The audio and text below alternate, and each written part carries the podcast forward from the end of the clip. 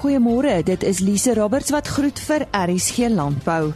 Natuurlik soos altyd op 'n donderdagoggend weer waarhede en Chris Derksen staan gereed met die nuutste vleispryse en so ook die laaste veiling verslag vir 2018.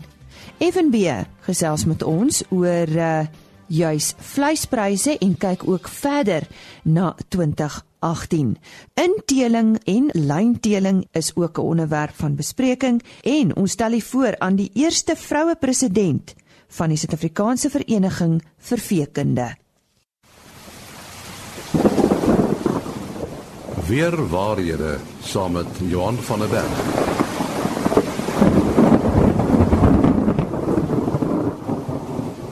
Weer waarhede dit dit is waaroor ons gesels met uh, Johan van der Berg van uh, Santam Landbou en uh, die keer gaan dit oor ja, woord wat ons dikwels hoor, ariditeit. Uh, Johannes aridititeit dieselfde as as droogte. Ehm um, ook nie gaan oor water. Aridititeit is eintlik inherënt die gebrek aan water. Maar aridititeit is eintlik eh uh, die geskiedenis van 'n plek in uh, die klimaatsgeskiedenis. Eh uh, eintlik die die water gebruik of die water die beskikbare water, die waterbalans terwyl droogte uh, is meer 'n gebeurtenis wat kan plaasvind. So as mens praat van ariditeit of aride omgewing, so dis 'n gebrek aan beskikbare water tot so 'n mate dat dit plante en diere lewe beperk. Maar dit is oor 'n langer termyn. 'n Droogte kan dit ook doen, maar 'n droogte is meer periodiek. So die ariditeitsindeks of ariditeit word gebruik om gebiede te identifiseer.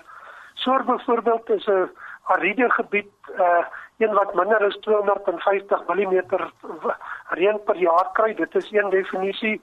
Uh semi-arid is so tussen 200 en 500 mm uh wat wat 'n gebied kry.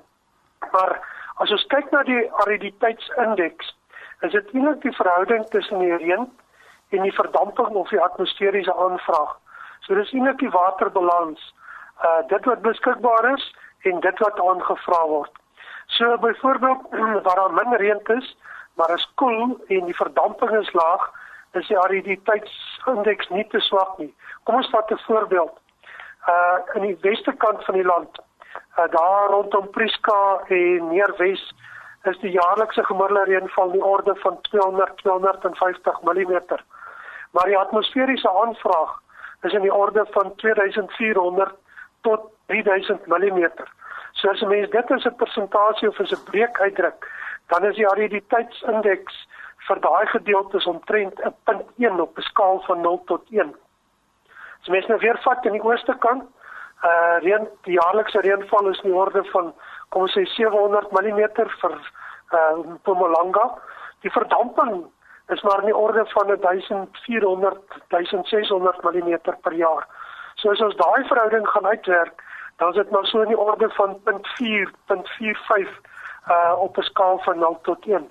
So dit hang af oor hoeveel reën, maar ook hoe droog en warm is die lug. Nou die oorsake van ariditeit Eersteen is hoëdrukstelsels wat hier op die 20 tot 30 breedtegraad lê. Nou hulle word gevorm omdat laagdrukstelsels oor die ewenaar lê en daar's warm lug wat styg. Uh dit reën en daai droë uitgereende lug word dan neergesit hier in die hoëdrukstelsels hier so tussen 20 en 30 breedte breedtegrade grade presies waar Suid-Afrika uh, geleë is. So dit meer dalende of 'n dalende effek in die lug maar dit veroorsaak baie hoë temperature dan die ander een gaan oor winde as wind oor land waai uh asook die afstand van die oseaan so die lug word uitgedroog uh en ons kry 'n baie hoë atmosferiese aanvraag uh as gevolg van die wind en dan die hitte daarmee saam. En as die reën dan nie genoeg is nie, is hierdie indeks dan ook baie laag. 'n Derde oorsaak kan 'n reënskadu effek wees.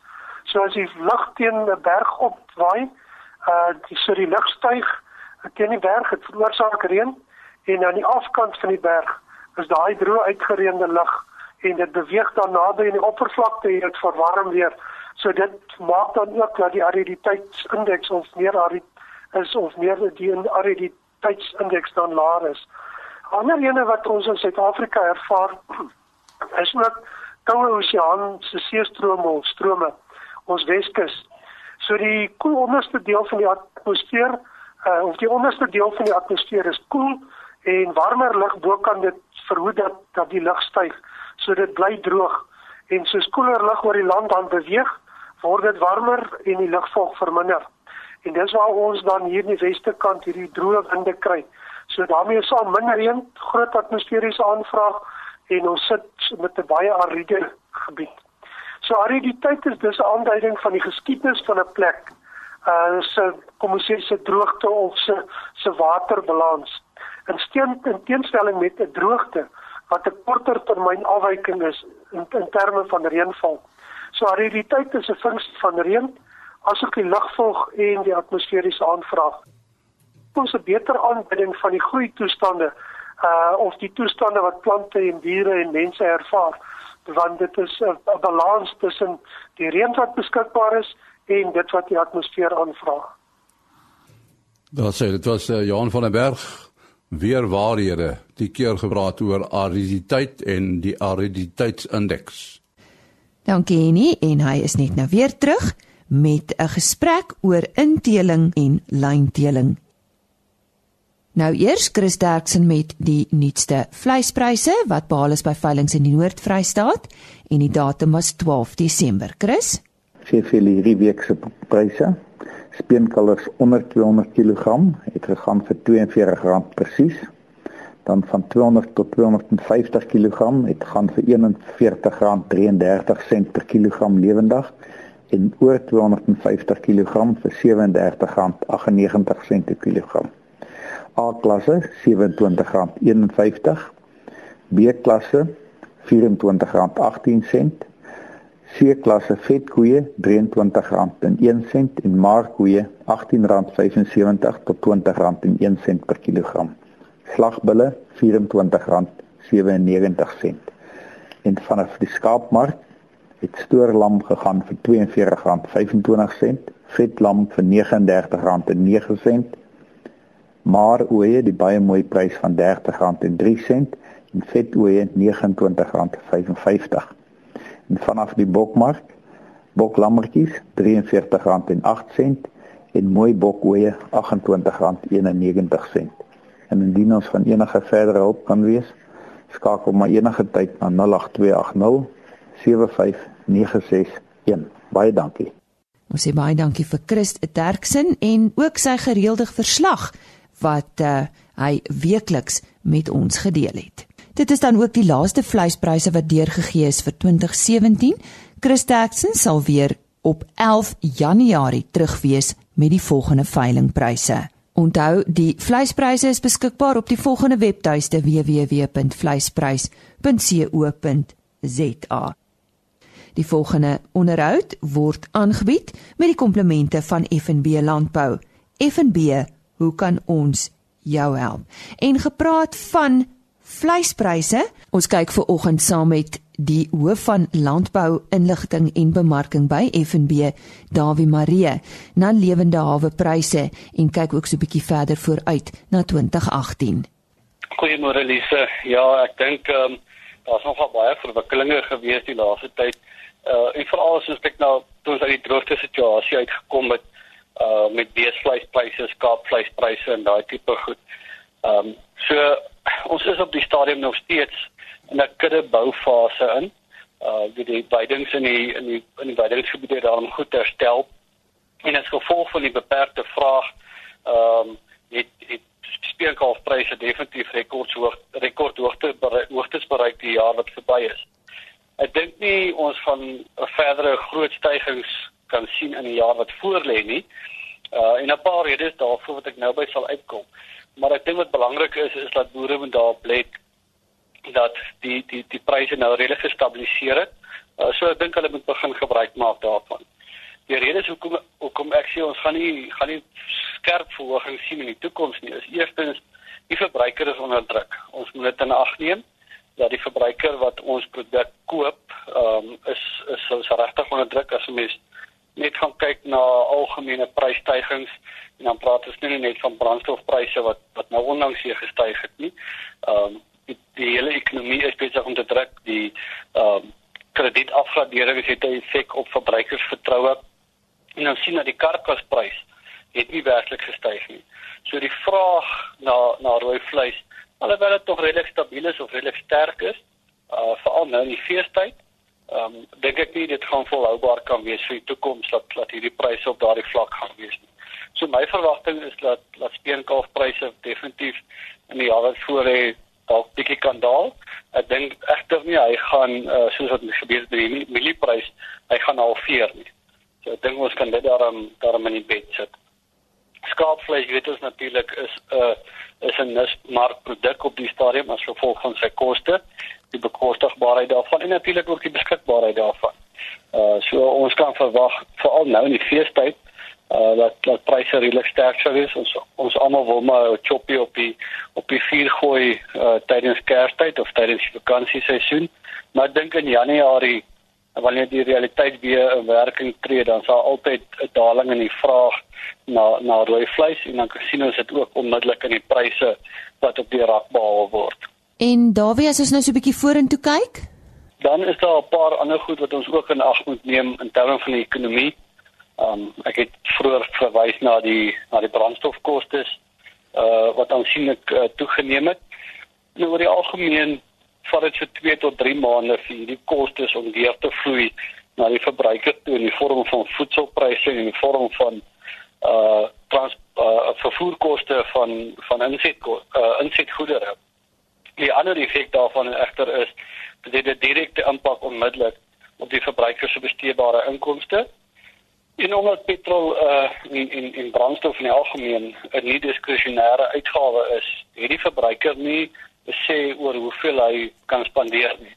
As hy 100 km 'n maand ry, ry hy elke maand min of meer 100 km 'n maand en dalk nou in die vakansietyd gaan hy dalk nog meer ry. So sy besteedbare inkomste word direk verminder wat 'n invloed op ons vraag na landbouprodukte het.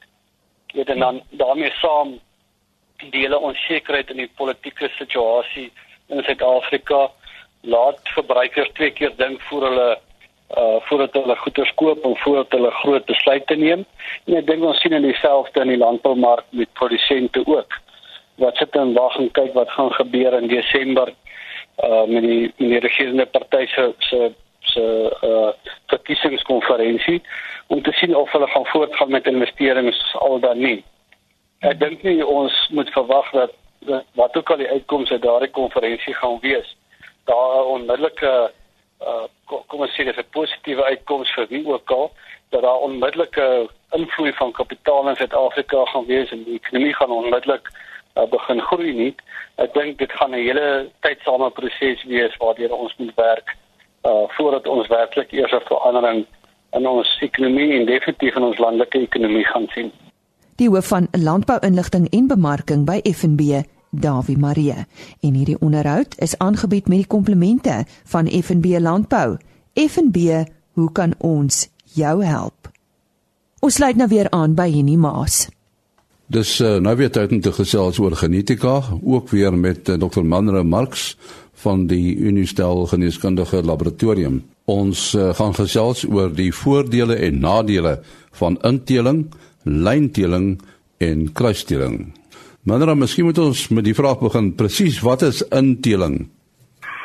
Uh, ja, uh, oor die algemeen word inteling beskou as die paring van baie naverwante diere. En hier dink 'n mens aan broer, suster, pa, dogter, ma, seun en halfbroer, halfsuster kruise. So uh dit is werklik die die die teeling met baie naverwante diere. En dan hoe pas lynteeling dan in? Goed. Lynteeling uh word meerendeels beskou as uh die teel met diere wat 'n gemeenskaplike voorouder deel. Met ander woorde, hulle is nie verwant nie, maar hulle het tog 'n grootouer wat gemeenskaplik gedeel word. En dan is daar natuurlik kruisdeling. Kruisteling is totaal onverwante diere waar daar geen gemeenskaplike voorouer teenwoordig is nie. En dit word beskou as binne die die die voorafgaande 4 of 5 generasies moet daar geen uh gemeenskaplike voorouer wees. Baie na verwant aan mekaar, maar tog baie ver uit mekaar uit. Net weer na lynteling, uh jy kan gewenste eienskappe vassteel eintlik, nê? Nee? Ja. Ja, dit is uh want uh, met gemeenskaplike voorouers het jy tog uh die die die eienskap wat jy wil vassteel, het jy teenwoordig en met seleksie uh van van van jou nageslag en die kruising daarvan kan jy daardie uh uh eienskap uh uh se voorkoms binne jou kudde verhoog. So uh dit word deurlopend tot tot 'n genetiese eh, genepool bygevoeg binne jou kudde. Ja, dit is normaal wat die stoetteelers wat dit doen, hè. Ja, uh, maar uh, dit is beslis ook by by by kommersiële boere uh, van toepassing, want as 'n mens kyk 'n kommersiële boer se sukses lê tog in die die gehalte van sy nageslag uh, wat geproduseer word het sy vir do, uh, vir uh, vleisdoeleindes of na na voerkraal of dan uh, vir watter doel ook eintlik uh, hulle geteel word. So as jy daardie voordelige eienskap vasgelê het, dan moet jy tog 'n uh, uh, uh, uh, 'n neiging na lynteeling volg binne jou kudde. So dit is primêr by die by die uh, uh, stoet uh, teelers maar beslis ook baie belangrik by jou kommersiële diere. Ja, die ontstaan van uh heelwat sintetiese rasse, laat mense nou dink, uh, is dit iets wat ontstaan het uit uh, uit lynteeling of uh, het kruisteeling ook 'n rol gespeel? So ek dink dit is 'n kombinasie van die twee uh, daarso. Aanvanklik het jy kruis geteel sodat jy die die die die goeie eienskappe ons dink vir byvoorbeeld hier vir uh, uh, uh, vinnig aan 'n ras soos die Brangusse of uh uh die die die Simbras waar die Brahman jou jou aan uh, geharde dier is wat maklik by uh, kan aanpas by 'n omgewing. So hy bring daardie eienskappe na die die die uh Taurus uh gebaseerde uh, uh rasse soos by soos ek genoem het die Angus of die of die Simmentalers. Wanneer dit vasgelê is daarso wanneer jy daardie eienskap uh by die by die diere geteel het laat dit vasgelê is, dan kan jy hulle tussen mekaar kruis en natuurlik dan kan jy ook uh die ander voordelige eienskappe verryk binne daardie kudde.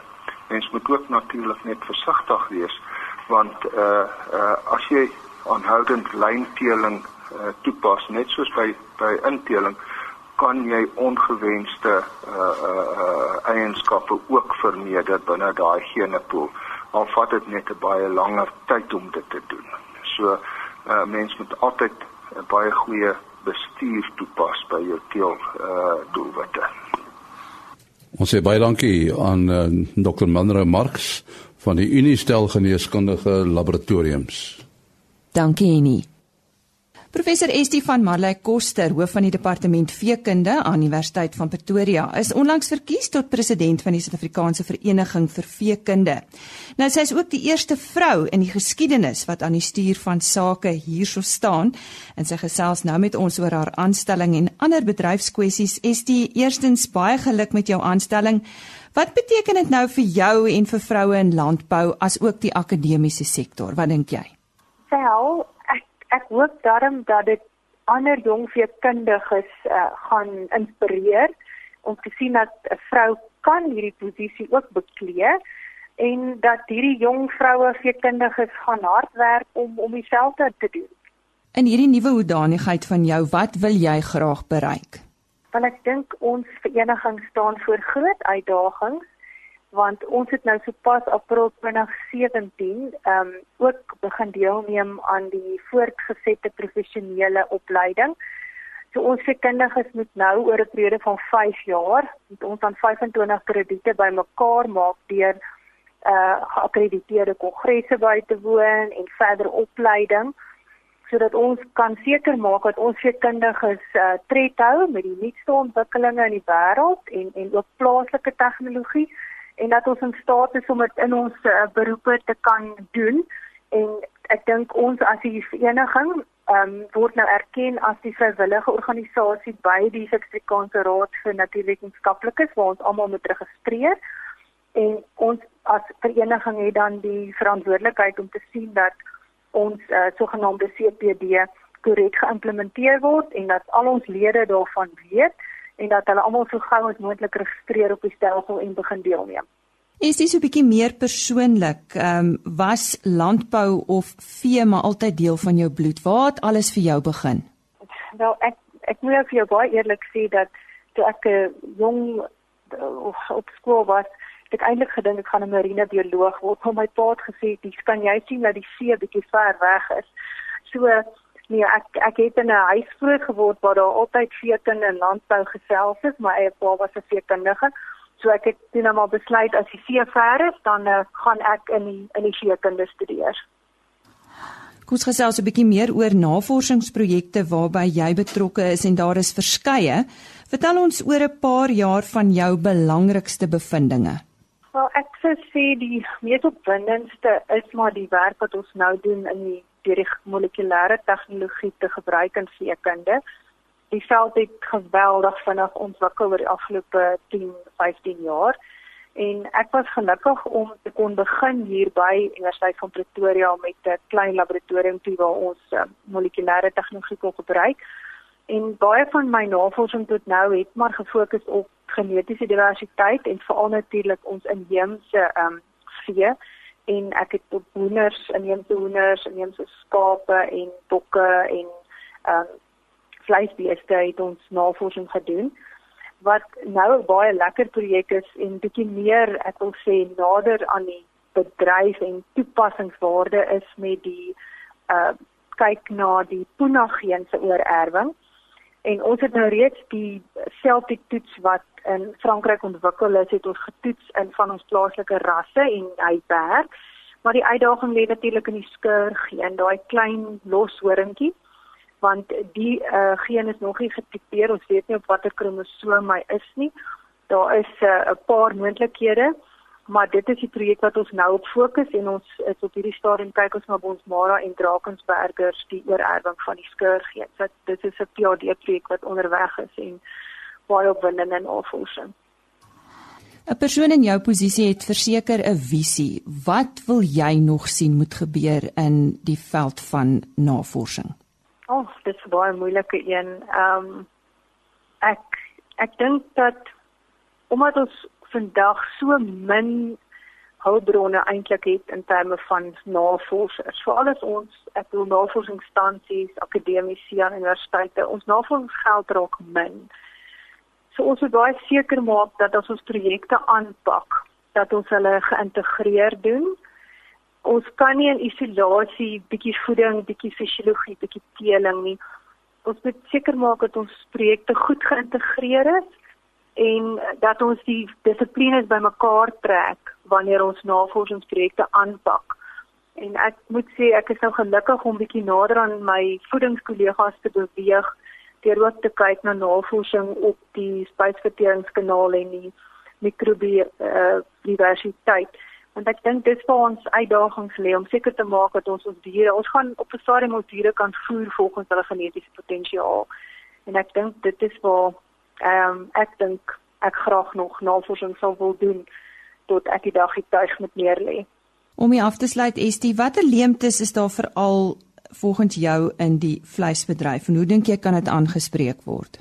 Wel, ek kan maar net vir jou uit 'n genetiese oogpunt ehm um, uh my opinie gee. En ek dink op hierdie stadium waar ons stoetboere verantwoordelik is vir meeste van die produksie van die genetiese potensiaal en die diere wat dan nou verkoop moet word aan die kommersiële man en dan gaan dit na die voerkraal. Ek dink ons uitdaging daar is om hierdie waardeketting te kan voorsien van die genetika wat uiteindelik by die verbruiker uitkom. En op hierdie stadium is die bewuswording nie daar dat die verbruiker besef presies waar die die die produk vandaan kom. En ek dink die veekundige en die die teelingskundiges het 'n belangrike rol om te speel dat ons seker maak dat die teeldoelwitte wat gestel word op die vlak van die stoetteler ver, verantwoordelik is en dat dit voldoen aan die behoeftes van die kommersiële teeler wat daai bulle moet gebruik en daai ehm um, kommersiële koeie produseer en dat die voerkraal ook begrip ontwikkel vir verbeterde genetika wat uiteindelik dan in die voerkraal ook 'n beter wins gaan gee en natuurlik die kwaliteit vleis wat op ons borde gaan beland. Nou ja, die vrou wat dan so lekker oor veekunde gesels het, is professor Estie van Marley Koster. Sy is natuurlik ook hoof van die veekunde fakulteit by Universiteit van Pretoria en sy was onlangs verkies as president van die Suid-Afrikaanse Vereniging vir Veekunde en ook die eerste vrou wat hierdie pos beklee. Dit bring ons dan aan die einde van ons kuier saam met u vir hierdie week. Onthou ons is maandagooggend weer op ons pos om 05:30 vir nog 'n aflewering van RSG Landbou. Totsiens. RSG Landbou is 'n produksie van Plaas Media. Produksieregisseur Henny Maas. Aanbieding Lisa Roberts. En inhoudskoördineerder Jolandi Root.